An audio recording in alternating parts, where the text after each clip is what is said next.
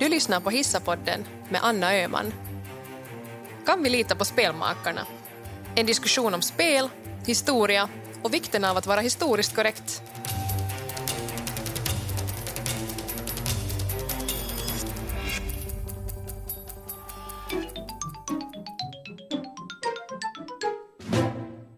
Hjärtligt välkomna ska ni vara kära Hissapoddens lyssnare till det här avsnittet där vi kommer att diskutera spel och framförallt om spel som utspelar sig i historiska miljöer eller kanske spel som använder sig av historia i sin spelvärld. Och med tanke på att jag själv i ungdomen främst har spelat spel som Harry Potter eller Sagan om ringen, kanske lite GTA, så, så kom vi ganska snabbt fram till att det kanske är bäst att in, bjuda in en expert i den här frågan. Och därför har vi idag med oss Derek Fuster. Hej Derek! Hej! Derek är då alltså universitetslektor i historia vid Helsingfors universitet. Han är expert på bland annat historiebruk, nationalism och paleografi, det vill säga konsten att tolka gamla snirkliga texter och urkunder.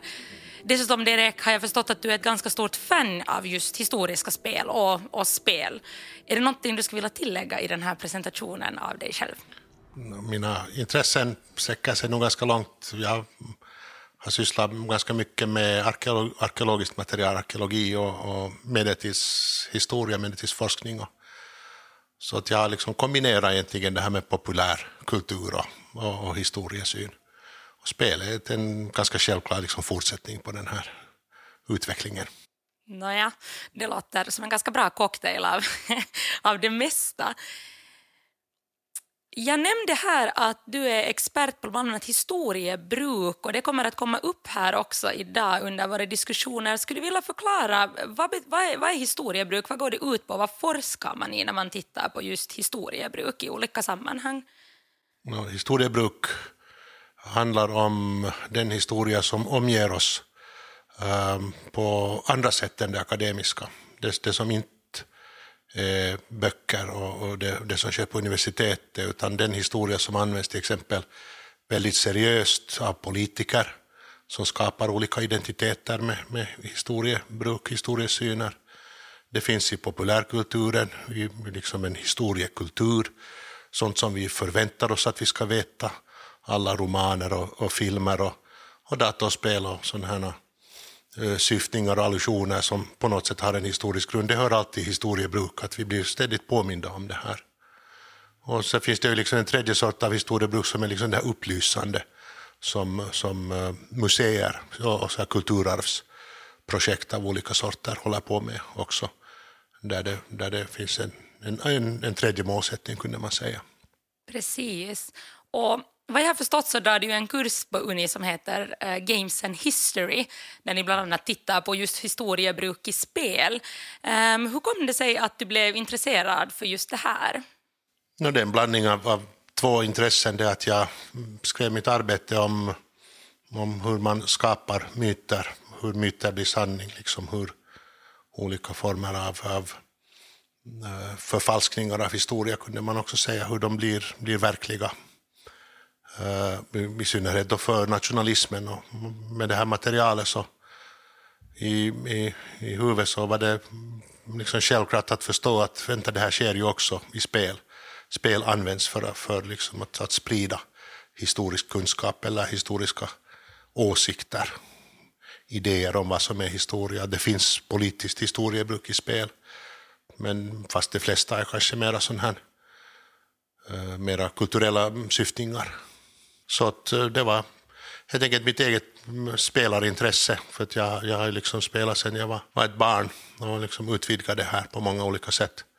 Långt före det, det såldes sådana här mer avancerade brädspel i Finland så köpte jag det i Köpenhamn och London som en ung studerande.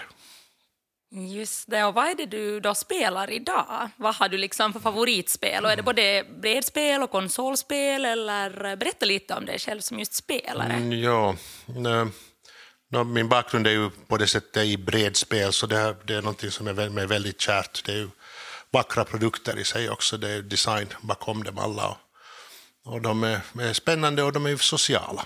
Brädspel, det, det gör man i grupp. Så att det är finns en väldigt angenäm humor med i, i alla, alla former av brädspel, så det, det kommer nog högt.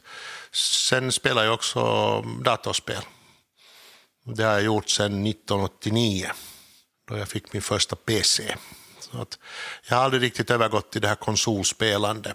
Att det, jag, jag är nog en ganska ren, renlärig PC-spelare, den, den formen av liksom datorspel, liksom interface. Mm vad är det för spel du spelar på dator? Mm. No, jag har nu spelat ganska aktivt uh, nu sen 2016, det här Elder Scrolls Online. Det är sån där, man kan ju bli professionell på det, men jag klarar mig bra i det och jag tycker om det och det utvecklas mycket. Och det har också ett otroligt fint bruk av historia, av liksom, fast det är ett fantasispel. Så det, det fascinerar mig hur de kombinerar världens olika myter och legender och, och kulturer. Och, men samtidigt så gör de det också för en modern publik. Så där kommer upp i det här, i det här spelet sånt som är aktuellt. Där kommer liksom klimat, där kommer kommer så genderfrågor, där kommer allting upp i det ras, rasfrågor och sånt, att det liksom spelet diskuterar det också, fast det gör det på ett, på ett eh, liksom spelarvänligt sätt. Det är inte något predikande i det, men, men de, är, de är uppfostrande på ett sätt också. De, man kan inte göra spel för, för moderna människor som, som på samma sätt nu som man kunde för, för 30 år sedan. Precis. Tror du att eh, spelarna själva också märker den här liksom fostrande rollen i no, spelet? Eller? No, den är inte så medveten, den där fostrande. Att inte, inte ens det där Assassin's Creed är ju liksom på ett sätt fostrande. Utan den kombinerar historia med, med konspirationsteorier och, och science fiction. Liksom, så det är, och, och re, rena konstruktioner som inte har något med historia att göra också. Det är en salig blandning. Att, att de, de flesta spel tänker nog inte på att de är uppfostrande, men de, de blir det på ett sätt. För att det handlar ändå om moral och värderingar och, och synsätt på, på det förflutna, hur vi ska hantera det. Och därför, därför tycker jag att den här Elderscrolls är väldigt spännande, för att den här närvaron av historia och, och arkeologi och, och arkitektur annars är väldigt kraftig med att det bygger den här, den här identiteten av det här spelet. Det finns ju över 10 miljoner spelare av det i, i dagsläget. Så det, det, är en stor, den har tagit över det här World of Warcrafts ställning nu, nu okay, globalt. Ja. Stor community. Det är en stor community, ja. Det finns ju gillen och jag är med i ett av de här finska gillena. Relativt aktivt faktiskt. Okej, okay, och vad går det ut på att vara no, medlem av ett no, det, det är gemensamma aktiviteter för att det här spelet kan, kan spelas både ensam och i grupp. Så att om, om man har en, en ljudkontakt så kan man lyssna på de andra, andra som finns i samma grupp. Så det blir väldigt socialt. Och sen finns det ju på nätet det här Discord-systemet till exempel, om det är bekant. Ja. Som, som nu håller på att ta över lite. Det var, det var liksom Facebook har varit någon gång i tiden. Att, att, att uh, där kan man ju liksom prata samtidigt som, som man chattar och skriver och, och skickar bilder. Att det är väldigt versatilt. Så att, tack vare det här så blir just en sån här ett socialt liv i ett sånt här gille liksom väldigt trevligt, väldigt angenämt. Fast man är anonym för, för de flesta, de flesta förblir anonyma, så liksom uppstår det ändå en ganska spännande gemenskap där. Men jag direkt, du nämnde ju om att du är ett ganska stort fan av bredspel och innan vi kanske dyker in i de här digitala spelens tid och så, så så skulle du vilja berätta lite om, om bakgrunden just när det kommer till att använda sig av historia och olika typer av, av spel. Att hur har det sett ut i den här bredspelsvärlden tidigare? Finns det några sådana kända eh, bredspel som, som har använts under en viss tid för ett visst syfte eller, eller det där, har historia liksom alltid funnits med på ett hörn i många spel? Mm, det här är nu årtusenden av historia som du frågar efter. Den här utvecklingen har, har ju liksom eskalerat kraftigt under de senaste 150-200 åren, kunde man säga. De flesta gamla brädspel så är ju sådana matematiska liksom, problem på ett sätt. Att, eh, men nu uppstår det ju tidigt som en slags sån här simulationer av, av slagfält.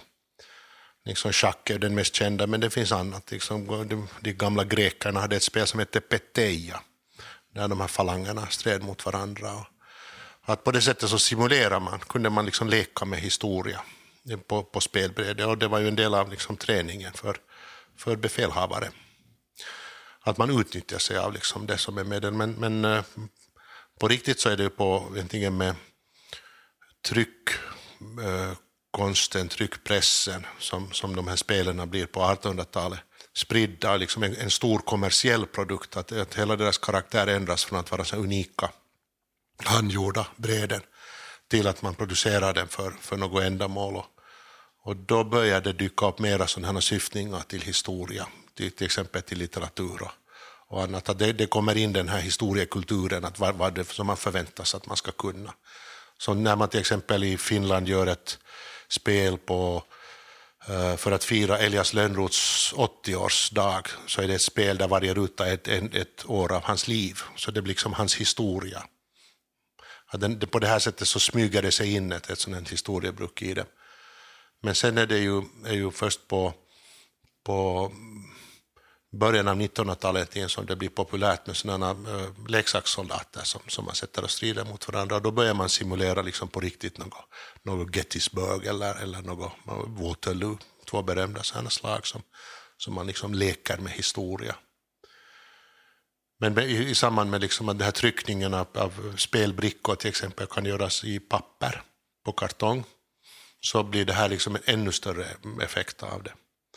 Och sen kommer det hela det här Dungeons and Dragons-fenomenet på 60-talet som liksom lägger till att det är som kaka på kaka av, av traditioner som alla lever kvar, de här gamla. Eh, från, från de här enklaste familjespelarna som egyptierna spelar, som vi har än, än idag, till, till de här. Och liksom fantasyn bygger ju på, på historiebruk. Liksom alla, alla monster som vi, vi är så bekanta med, så de är tagna ur romaner och, och filmer och, och berättelser, folklore. Så på det sättet så använder man sig av historia dem också. Och sen kommer den här stora bredspelsvågen som pågår nu, där liksom det här historiebruket är liksom ännu tydligare. Att, att man simulerar inte bara något fältslag, utan det är helt självklart att, att det kan vara hela, hela eh, årtionden av en civilisation eller ett rike eller sånt här. Att, men det finns för alla smaker. Liksom, det finns väldigt komplicerade historiebruk och spel och, och sådana som är väldigt enkla. Som är, de kallas ofta för Eurogames. För de är menade att spelas liksom av en familj eller en grupp på, på två timmar högst. Medan det finns sådana ordentliga spel som tar månader. Mm, precis, de har jag också just hört om. Att, ja, ja. att man spelar lite och så tar man, man tar en paus och så fortsätter ja. man. Och, och just det här att man också kan spela sådana här spel eh, med andra människor på distans fast man spelar det hemma hos sig själv. Ja, det var allmännare tidigare, liksom, men nu med den här digitala åldern så är det så lätt att, att göra det på distans liksom samtidigt. Tidigare var det den här sortens spel där man skickade till exempel filer åt varandra som kunde laddas in. Och så, så skickade man efter det sin, sitt svar i en ny fil till den här, den här personen. Det fanns, det fanns alla möjliga lösningar på det här. Eller helt per post. Mm. Ja, så därför har det gått lite framåt. Men idén har ändå varit densamma, just att man ska kunna spela tillsammans. Men, men vårt samhälle har nog på ett sätt blivit allt mer och mer medvetet om det här liksom historiska och, det, och liksom den, den, skriftliga traditionen. Så på det sättet har det, har det ökat, på det sättet att det har aldrig funnits så mycket liksom historierelaterade spel tidigare som nu. Och det, det är helt klart en, en, en megatrend att det går så bra för de här spelfirmorna på nytt, också brädspelarna, trots det här digitala spelarnas tävlan. Det finns miljoner av brädspelare som njuter av liksom det här historiesimulationer och lätt historia. Precis. Så det är pop med historia, med andra ord? No, ja, det, det är nog på ett sätt, det, det är väldigt det är känsliga frågor det handlar om. Det handlar ju också, också överlag i samhället om det här uppgörelsen med, med rasism och, och jämställdhet och allt sånt här. Att, att på det sättet så blir historien och hur ska man förhålla sig till historien väldigt viktig. Och de här spelarna kommer nog in i det här också, att de, de är med på ett hörn i, i det här. Att det är ett väldigt spännande spel som jag själv spelar nu, men som liksom på ett sätt symboliserar allt det här, så heter Gandhi, The Decolonization of India. Där, där man spelar Indien från, från 1917 till in på 1940-talet som en av de grupper som alla har olika intressen att bevaka i Indien. Och det här är en slags historisk simulation av, av liksom högsta rang som handlar om just det att man talar om, om, om kolonialism på nytt. Så det kommer klart också in i spelet. LBTQ-frågor och sånt här kommer också in i spel, speciellt i datorspel så är det där en stor sak att den här samhällsdiskussionen för, pågår via spelen också, att på samma sätt som det gör det i, i tv och, och, i böcker och vanliga diskussioner på, på sociala medier. Så du skulle säga att spel har en ganska liksom unik eller stor chans att påverka eh, folk och spelare liksom i olika frågor och, och synsätt och så? De har nog, den, den, är, den är liksom oövervakad på det sättet att de som designar spel är ju inte historiker främst, utan, utan det, är, det är specialister som känner till det här med regler och, och, och, det sociala, psykologiska, hur man får ett spel att fungera. Men liksom det historiska innehållet så är det väldigt sällan historiker som, som ligger bakom det. Så att det finns alltid den här möjligheten att det kommer in massor med, med värderingar och åsikter som inte är särskilt aktuella eller trevliga i, i sånt här. Uh, för att den här designsidan är, baserar sig på Google search ofta. Att man, man tar det som är lättast och, och, istället för att fundera på, på liksom vad är det för, för moral och e-, et, etiska frågor som, som man samtidigt kör in i det. Det finns ett, ett exempel på en stat faktiskt som har förstått att om man ska uh, använda något, något medel för historisk propaganda så är det spel, och det är Polen. I Polen finns det, finns det en, en, en statlig Eh, myndighet som ger ut både spel och böcker, men i synnerhet bredspel för alla åldrar av, av skolbarn och också för vuxna, som går ut på att visa liksom hur, hur Polen har varit ett offer för, för, det, för det tyska och det ryska genom hela världshistorien med alla faser. Det är ren nationalistisk propaganda som sätts i spelform. Men en del av de här spelen är väldigt spelbara och väldigt, väldigt trevliga också. Så det liksom kan nog rekommenderas för vem som helst att spela till exempel det här Koleika som är ett av deras spel. Koleika betyder kö. Och det är en simulation av att eh, på 80-talet köa efter, efter varor i liksom en Sovjettida Polen. Så den som är främst i kön får den där varan och de som är, står efter blir utan. Och den, den, den är eh, spel designmässigt så den är jättefin. Och den har en sån nostalgisk humor. Jag har haft flera polska studenter och, och andra, andra studenter att spela den för att testa det på dem, att hur reagerar de på det här budskapet i det. Men där, där finns nog ett sådant fördömande samtidigt av, av liksom inte, inte bara Sovjettiden utan också av det ryska. Där finns en sån här etnisk liksom, eh, ett etniskt avståndstagande från, från det ryska.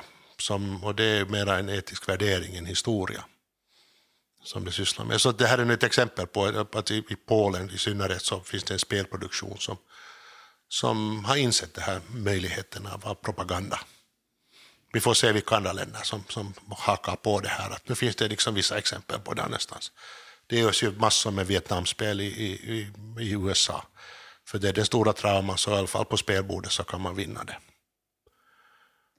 Så man ska inte gå omkring och lita på att de här spelmakarna på något sätt är så här historiskt objektiva? Nej, nej, nej. Liksom, noggrannhet är ju inte det främsta problemet för något spel. Att det som känslan för, för det autentiska är, räcker. Precis. Och själv så skulle jag mera säga att den här trovärdigheten, på, på något sätt, den här plausibiliteten, är det, är det allra viktigaste. Att kan du ens tro på det så då, då är det okej. Okay. Därför så kan en, en fantasivärld vara lika liksom etisk och moralisk och knuten i vår historia som någonting annat, som, som ett liksom mera renlärigt liksom, historiespel inom, inom in, inom branschen. Jo. Så publiken är kanske mer kräsen när det kommer till spelupplevelse än en historisk korrekthet?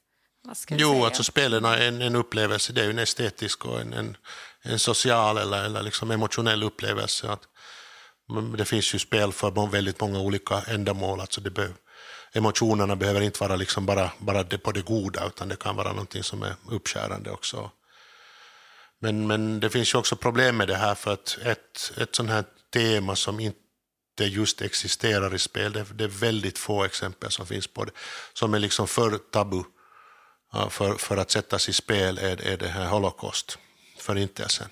Därför att det får finnas i tv, det får finnas i filmer, i böcker, liksom i alla andra medier, där var du en, en stilla mottagare av det. där var du ser det framför dina ögon, liksom, den är en färdig vy. Men det finns en, en slags aversion mot att låta människor själv delta i det här, att själv påverka den här händelsen. Den är, den är för liksom chockerande.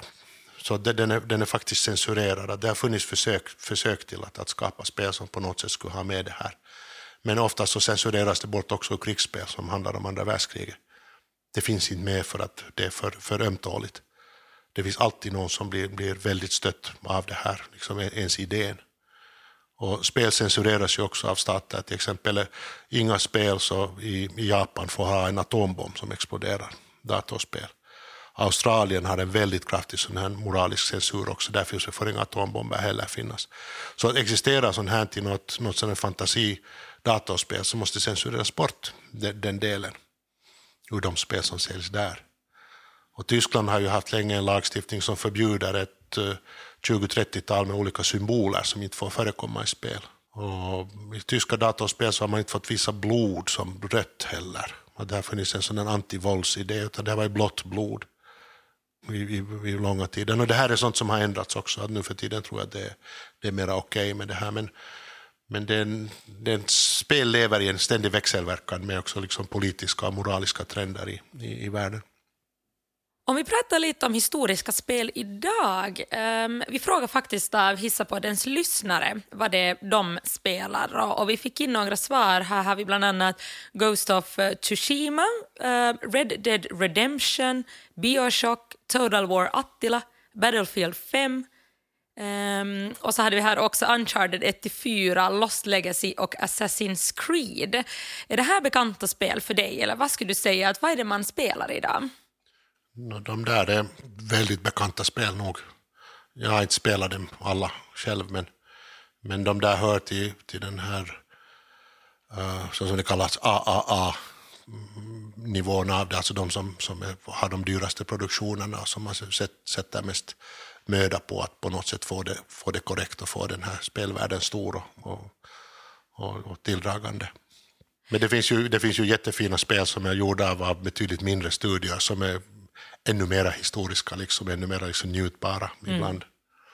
Precis, för här har också en av våra lyssnare frågat hur autentiskt avbildar spelen verklig historia eller kulturella detaljer? Du var ju lite inne på det kanske här tidigare, att, att alltid är det inte så autentiskt.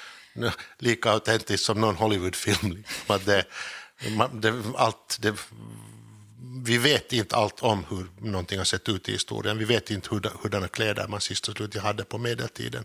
Annat är från udda bilder och, och arkeologiska lämningar eller gravmonument eller någonting. Så att man kan inte göra en, ett autentiskt spel över någonting som helst som har hänt i historien, utan man måste skapa. Så den här, den här autenticiteten är liksom en slags illusion. Att man kan försöka lura människor med det, men, men eh, men, men spelmakarna och historikerna så vet egentligen att det går inte. Så det är inte alls en väsentlig fråga, utan det är det att vad, vad, vad händer med den här produkten, att vad är det för känslor och, och visdomar eller, eller åsikter som, som den föder. Liksom det är vikt, mycket viktigare att, att bara, bara den är tillräckligt trovärdig så, så går det. att Den här autenticiteten är inte liksom det viktigaste ens för de här designerna som då inte är historiker, som jag sa. Precis, här är en annan fråga också som relaterar till det här att hur mycket brukar eller då kanske borde kulturetik och tidsanda spela roll i de här spelen? De gör det. Det är just det att de gör det, men inte kanske så medvetet. att Jag som en, en spelforskare så jag försöker ju upptäcka de här värderingarna. Jag, eftersom jag nu kommer ur nationalismstudier så är jag liksom känslig för sen symboler och bruk av dem. Att om man nu tänker, tänker till exempel på den här kontroversen som var för några år sedan över sydstatsflaggan. Äh, när, när den liksom diskrediterades som en, som en symbol äh, så där allmänt så började också spelen ta bort den ur sig själv. Ur sitt, började ta bort den symbolen ur sitt innehåll. För det var klart liksom att det här var inte tidsenligt, sanningsenligt, det var inte relevant mera, men den hade oberoende använts som en, liksom en självklarhet så hemskt länge. Att, äh, ja, om det här lite svarade där att, mm. att spel är ju ändå en slags liksom, intellektuell underhållning. man lär sig mycket från spel, inte bara liksom historia utan också mekaniskt och liksom socialt och, och sånt. Att, um, liksom kunskapsmässigt, hjärnan lär sig olika, olika sätt att hantera problem och, och från det att det här är liksom psykologiskt studerat. Så att, men, men den här moralen och etiken, så frågan är att om man börjar då bli väldigt medveten om att det ska finnas, så då blir det liksom det här pekfingret igen. Och här är, här är problemet kanske att det, det har funnits försök till att skapa sådana här Eh, direkta inlärningsspel, så educational games som det heter, edukativa spel. Där man följer eh, liksom en, den historiska utvecklingen så exakt att det blir helt enkelt tråkigt att de misslyckas sådana här. För att det, det, liksom, det, det blir ett, ett, en, en händelsekedja som går på räls. Och det här, är, det här är ett misslyckat spel, för att hela spelets idé är det att du kan äh, agera. Och på det sättet så skapar du olika resultat av det. Så att spelarna har en viktig funktion att du kan testa också liksom dålig moral och dålig etik. Att du, inte, inte bara att man, man enspårigt måste alltid spela liksom den här goda hjälten, utan att du får experimentera som en slags fantasi. Att vad händer om jag nu liksom är, är liksom ett monster? Och, och, det här förekommer i många, många datorspel som förstås kräver ännu mer programmering, för det kräver liksom dubbelprogrammering om du ska både vara god och ond. Att vad är följden av det här? Och det här tycker jag att är en väldigt viktig del av spel, att man kan inte vara så hemskt superkänslig för det där att spel ska kunna hantera också svåra saker där var människor får experimentera med att, med att liksom gå över på onda sidan, liksom walk on the dark side, utan att vara det på riktigt. Att på så sätt så är jag lite tveksam just för det, hur mycket det borde, för att det finns nog alldeles tillräckligt av det redan, redan nu, av liksom moral och etik i dem. Precis, och så kan man ju kanske tänka sig att man hittar de frågorna också på annat håll än just i att varenda historiska spel också måste på något sätt behandla det eller lyfta fram. Om, om man vill ha liksom, spel med en, en konstruktiv, god, modern moral och etik, så de finns nog där. Det är bara att söka reda på dem, att man kan liksom gå förbi de här som, som man, man, man inte är så intresserad av, som, om, man, om man vill ha liksom seriösa spel. Det kan ju också vara, ofta vara sådana uh, självständiga spelmakare, så indies, independent games, som, som det handlar om. Så på den, den fronten så hittar man de mest fantastiska produkter liksom in, inom sån här, där, där var moralen inte enkel. Och där var liksom man, man måste ta följderna av också, också dåliga beslut. Jag kan tänka mig att en sån här styrka är att det alltid liksom inte att spelen inte alltid händer exakt så som världshistorien har hänt utan man gör det kanske lite mer spännande och blandar. Att en av våra lyssnare sa också att Assassin's Creed eh, fick honom att bli intresserad av historia i högstadiet från första början. Att jag kan ju tänka mig att de här spelen också spelar en roll i det här att man fångar upp människor till att bli intresserade för att kunna ta reda på mera. Lite som en så här inkörsport. Det, det är de definitivt nog. Men ju längre mer du kommer sen in i det här, att vad är det, hur, vad, vad det, hur gick det egentligen till? Att, eh, vad, vad, vet vi om det och hur gör, vad gör spelet av det? Så börjar man inse att, liksom, att vänta nu lite, att det här spelet drar ganska raka linjer mellan, mellan punkter som inte hör ihop. Att uh, Assassin's Creed är ju liksom en mästare på det här, att den, den är fascinerande. Den här världen som de skapar i, i det är, är ju otroligt vacker. I England har man gjort en beräkning på att vad är det, 10 procent av de som börjar studera historia så gör det på för att de har spelat något datorspel, alltså en av tio. Och jag tror att det kan ungefär stämma här också, att många gör det men, men det är fortfarande en minoritet som just av den orsaken kommer. Så att visst är det en, en, en väldigt effektivt sätt att, att göra människor intresserade för historia. Att spela någonting som är, liksom, är värt, värt att spela, som gör liksom en förståelse för det förflutna till något intressant. Historielärare har ju använt spel också. Jag vet många fall liksom av mina, mina gamla elever och andra som har haft spelklubbar och annat. Problemet med sådana här bordspel är att de tar så lång tid och de är inte riktigt optimalt lämpade ofta för, för liksom grupper av människor som inte är så liksom spelintresserade från början. Att det där är, det är någonting som lärare har ibland frågat mig om om, om att, eh, vad ska jag föreslå för spel. Och det där är jättesvårt, för att det ska vara någonting som, som går att spela på en timme med så att man får liksom någon slags aha-upplevelse av till exempel maktbalanser eller, eller intressesfärer eller någonting. Att det, de här färggranna Eurogames, mm, liksom, de är ju ofta gjorda i Frankrike eller Tyskland ursprungligen, så de är inte riktigt bra lämpade för det, utan den är så ytlig den här historiska kunnande i det. Men inte vet jag, någon så korta spel som det här Secret Hitler till exempel kan få en att förstå någonting över hur liksom val och parlamentskupper kan ske på ett socialt sätt och på ett kort sätt. Att det, det är svårt att ge, ge spel som kan liksom på en timme eller två liksom användas, utan det, det kräver så mycket. Så det finns liksom den här potentialen, men att liksom det är en, en utmaning att just kanske skapa spel eller, eller liksom utveckla dem för just utbildning. Jag har av en slump kommit i kontakt med några eh, spelforskare i Brasilien, Sao Paulo, och de, de utarbetar just idéer för hur sådana här liksom, lärospel skulle kunna bäst fungera i undervisningen. Och de har framhävt den här idén att det ska vara faktiskt enkla spel. Att det ska vara enkla idéer och liksom mycket, mycket mycket simpla system som, som man på något sätt kan fånga upp det med. Att, att de här enorma Assassin's Creed eller Red Dead, Red, Red Dead Redemption och sådana här, de är inte bra för det, annat än för de människor som redan är inne i den här världen. Ja, det kan jag tänka mig. Jag är ju själv ämneslärare i historia och jag kan liksom, jag ser den här klassrumssituationen framför mig när jag liksom kanske som själv inte heller är någon spelexpert och sen ska man få de här 22 ungdomarna att, att koncentrera sig och, och liksom spela oberoende av vilken bakgrund de har inom spel så förstår man ju nog att, att det finns den här utmaningen där att jag tycker att det är fullt rimligt med att ha just enkla och kanske så här spel med något slags budskap som man ändå har möjlighet att komma fram till just under en, en också kortare tid. Jo. Några spelforskare i England så de gör själv sådana spel, till exempel England, England USA som jag känner.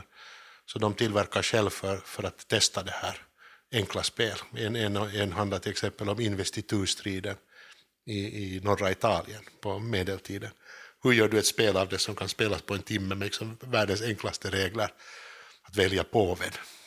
Och det är ett väldigt lyckat och spännande spel.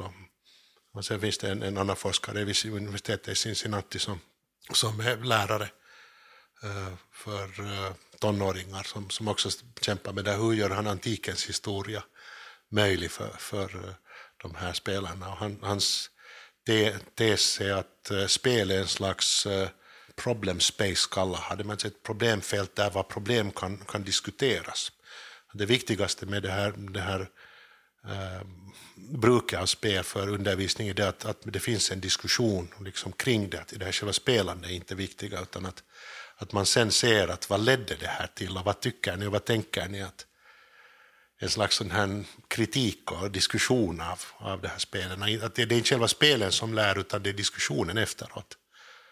Och det tror jag att det låter ganska bra faktiskt. Att det, det, det behövs den här läraren som, som kan gå över de här spelen. Precis, att fungera som den här diskus- eller spelet fungerar som diskussionsöppnaren och, och sen handleder man själv diskussionen sen efteråt. Vad ska du säga, eh, hur ser ett sånt här spelteam ut? Vi har poängterat här, eller nämnt det, att eh, historiker kanske inte alltid är så inblandade i den här processen. Eh, vad skulle du säga, vem är det då som gör de här spelen? Vilka typer är det?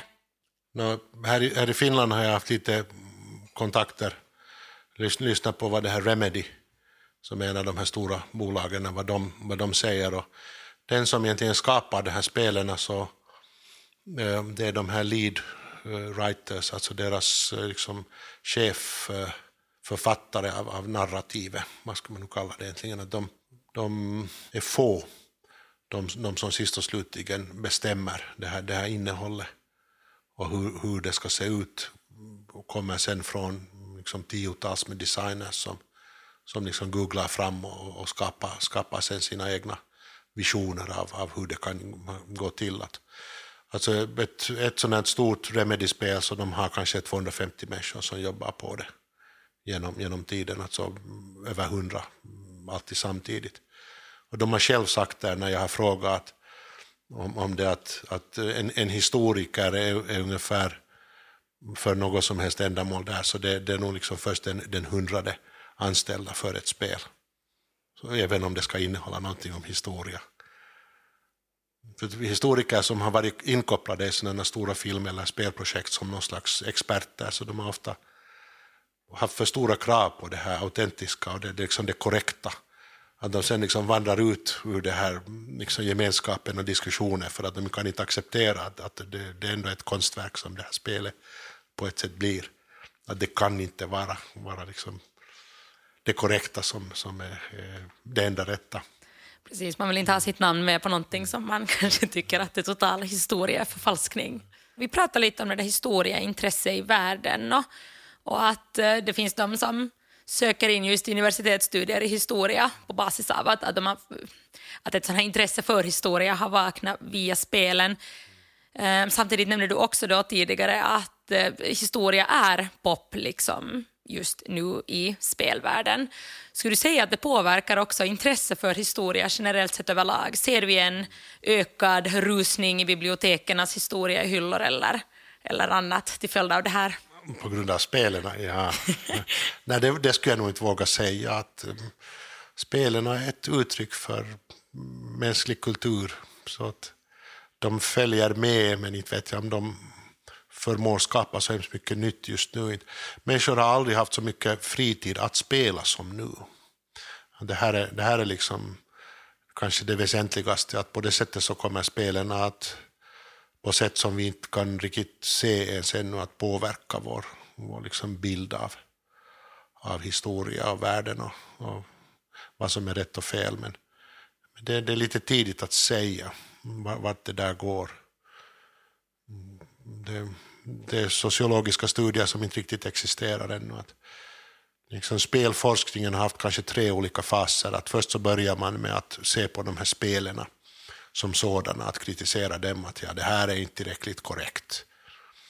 Det, liksom, det leder ju inte särskilt långt med att, med att man ser på det. Och sen, sen kommer liksom en, en, andra fas när, när man börjar fundera på att men det är ju några människor som gör de här spelen, de, vad är det de designers tänker på? varifrån får de sina idéer? Och det är med att intervjua dem som man kan få, få den, här, den här idén om, om vad det är de försöker med de här historiska spelen. Det, det, det är lite svårt att nå för att det här är kommersiella företag och sådana här intervjuer liksom är, är ganska välgarderade och liksom vaktade att de får inte riktigt ge ut idéer om, om sin designprocess. Det, det, är svårt att nå det här, men men den tredje äh, idén är sen att forska i, i de här spelarna, att vad händer med dem? Och det här är ju det intressantaste. Och det är det som du egentligen frågar efter. Men det här är liksom den, den tredje vågen av spelforskning som först har börjat. Och den, den finns inte ännu riktigt just i de historiska spelen, i historiesynen bransch som man undersöker det här, vad, vad, vad spelarna tycker. Det är något som jag själv är intresserad av just via det här finska gille. För jag är ju också en observatör. Så jag, jag, märker när de diskuterar historia, vad det är de diskuterar, när sådana chattar kommer igång. Och på det sättet det, det är det allra intressantaste, för det är där som den här påverkan och intresse för historia liksom avspeglas tydligast och det, det viktigaste bitarna det finns.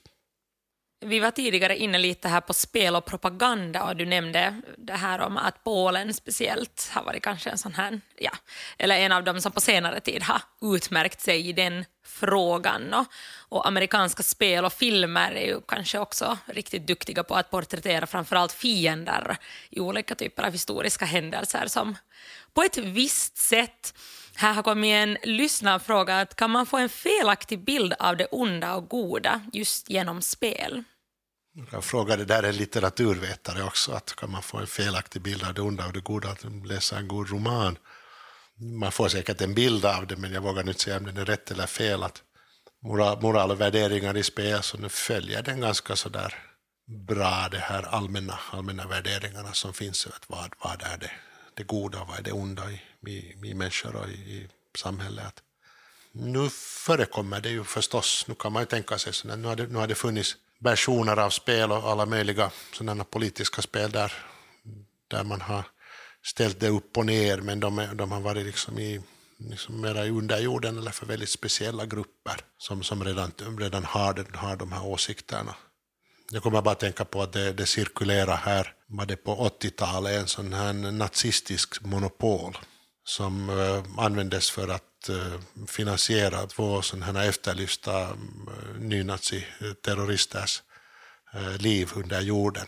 Med att man sålde det här monopolspelet som var liksom om, omgjort till en sån här nazistisk värld, men med, liksom med monopolsregler i grunden, men med lite annorlunda illustrationer. Att det var i Tyskland som det här skedde. Att, men, det, men det är ganska extremfall och, den här sortens spel. Spel görs ju för att sälja, de, man får aldrig glömma att de är kommersiella produkter. Att om du gör ett spel så måste det finnas människor som tycker på något sätt detsamma, som kan acceptera den här, det, det goda och det onda i det. I annat fall så lägger de det ifrån sig och den här firman går i konkurs om, om det bryter för mycket med, med liksom gängse praxis. Så man skapar då spel främst för en viss marknad eller en sån där du vet att det säljer? Ja, nu finns det ju spel som sen skapas för, för liksom en, en mera fri liksom, konstnärlig tolkning. Just de här självständiga, de här mindre, mindre spelfirmorna, vad de skapar. Så, så är ju inte så beroende av att det ska vara en strömlinjeform strömlinjeformad Disney-verklighet, utan att det får, det får liksom ta ont att spela dem det, det, finns kanske de fina, bland de finaste spelen som finns har varit egentligen gjorda av sådana väldigt små, små butiker. Ett av de bästa spelen som jag vet på, på dator, en, en, eh, sån en svartvit spel som heter The Return of Obra Dinn, som, som, som handlar om ett skepp som kommer flytande utan, utan någon besättning. Och du är en försäkringstjänsteman som ska lösa gåtan, men vart har 60 personer försvunnit? Hur, hur, hur de en efter en har dött eller, eller liksom lämnat det där skeppet. Och den, den där miljön i sin enkelhet och allting är helt, helt fantastisk och den, den, är inte, den passar inte in i några av de här schablonerna för hur, hur normala datorspel är. Att, vem, vem kan tänka sig att du skulle vara en försäkringstjänsteman och göra det till ett så bra spel när du liksom går, går i det här skeppet och ska lösa den här gåtan med 60 människors liksom försvinnande, en efter en efter en bara som ett exempel på att de här, de här indierna är kanske, kanske liksom det intressantaste ofta som finns. Det är ett segelskepp, alltså det, det, kommer, det är under Napoleonkrigen det här sker. Så det är väldigt historiskt korrekt, hela det här skeppspersonalen och utseende.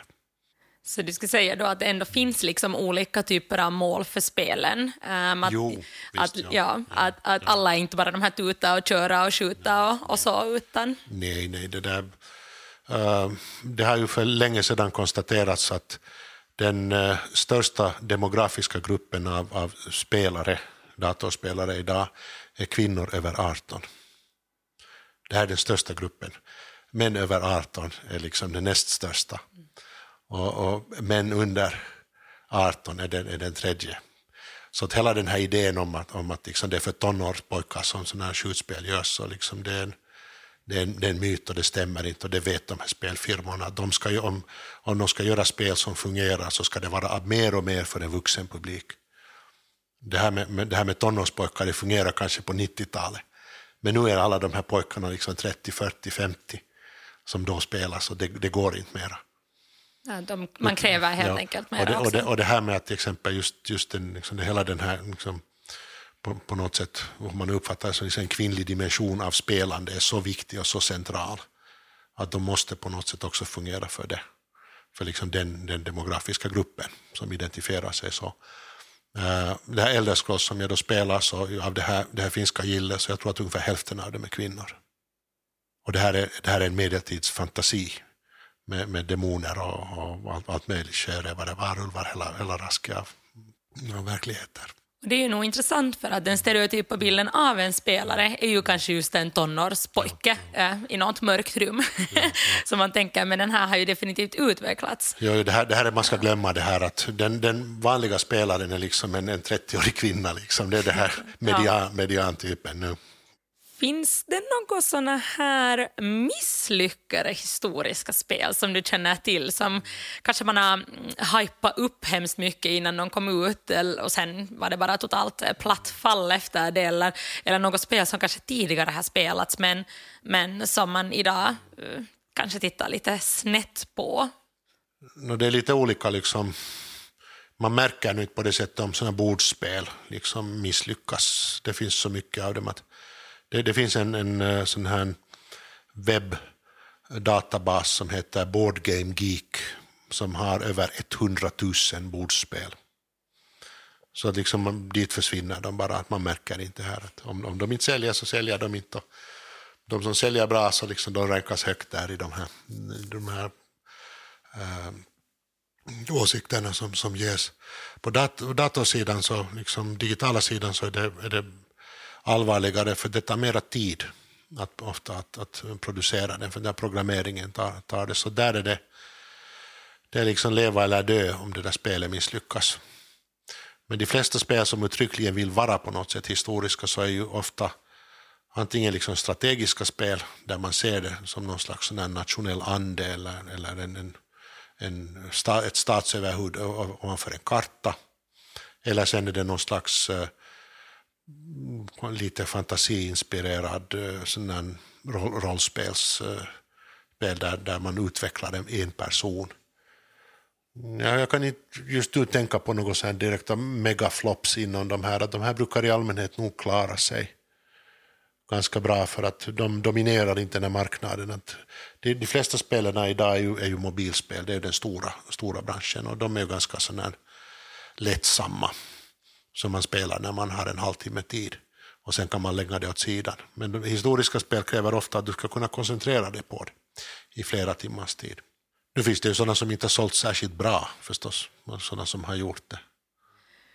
Jag hörde rykten om att du själv också Derek har varit med och designat ett spel. Vad går det här ut på? Det här var ett, ett uh, spelprojekt som faktiskt föreslogs i tiden av Tuomari Nurmio. Att man skulle kunna göra någonting liksom seriöst eh, kring Kalevala, liksom finska fornmyter. Och det har ju inte liksom behandlats som, som ett, ett liksom humanistiskt problem, som ett historiskt problem. Att, att det finns ju otroligt fina monster som inte är kända för, för den breda publiken. Och, och hur, hur hela, hela den här eh, berättelsen blir till. Hur, hur liksom godtyckliga, eh, godtyckligt valda bitar limmas ihop till en text. Så att, jag var, jag var med i ett projekt som heter Runo till slut som eh, nu på, på våren blev färdigt. Det finns faktiskt att få på det här Itch.io eller någon av de andra tjänsterna. Eh, där man, man spelar, spelar en, en, en, en, person som hamnar in i en slags sån här dröm, drömverklighet där den är med och skapar de här myterna det här blev ju en, en demoversion av det, att det var, avsikten var att det skulle bli betydligt större än det här, att det skulle liksom visa just hur våra, vårt förhållningssätt till historia skapas av oss. Att det är inte liksom den reella historien som gör det, utan det är vad vi gör av det här materialet som, som gör det. Så det var, det var en slags en historikers syn på, på varifrån kommer våra berättelser, varifrån kommer vår historia. Det lyckades jättebra det var studenter från Helsingfors universitet och, och från Aalto-universitetet som, som gjorde det här, den här färdiga versionen av det.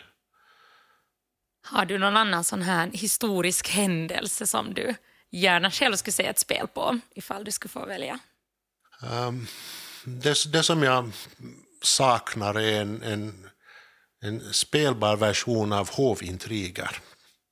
Eh, som skulle beakta mm, släkter och, och, och, och olika fenomen och faktorer. Att hur till exempel någon Versailles eller, eller makt, makt fungerar i, i en, eh, en kunglig uh, hovmiljö. Alla olika aspekter av hur man bygger upp nätverk och annat. För det finns ju en hel del nätverksforskning men jag har inte sett det omsatt i spelform ännu hur man skapar åt sig själv ett, ett, ett system för att försöka behärska sin, e-, sin egen framtid. Det här, det här skulle kunna bli ett ganska intressant spel. Um, en annan sån här lite motsvarande från det här äldre tider är ett, ett slags uh, uh, manageringsspel skulle vara att ta ett, uh, ett regemente, alltså en militär enhet på 1700-talet och Eh, se på det som hur håller man den här igång i fredstid. Det vill säga att uh, hur mycket skor, gevär, kittlar, uh, bälten, allt det här behövs det och med alla möjliga chanskort av att två av dem slåss med varandra och en av dem dödar en bonde i, i bygden. Liksom. Att göra, göra hela den här världen som är välkänd för historiker som, för det är ändå en, en sluten värld på ett sätt att man skulle spela den här, den här överbefälhavaren. Och alla de, besvär som den har i vardagen, inte i kriget utan som en, som en verklig miljö av, av bångstyriga soldater och korpraler och deras familjer och miljöer där de bor i, att hur allt det här inverkar som en slags jättestort socialt, socialt nätverk också. Men, men liksom med den här ekonomiska sidan dessutom, att hur många av dem har råd med nya gevär och, och hur, hur, försöker man hålla dem vid liv i fredstid ens.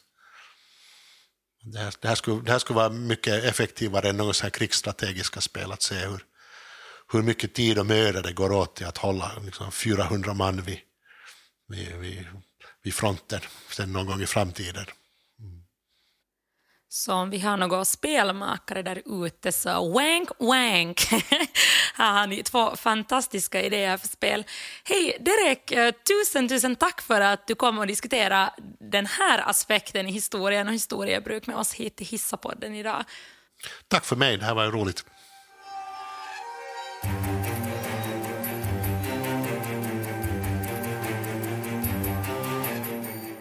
Du har lyssnat på Hissapodden med Anna Öhman. Inspelad av Tobias Jansson och producerad av Freja Lindeman.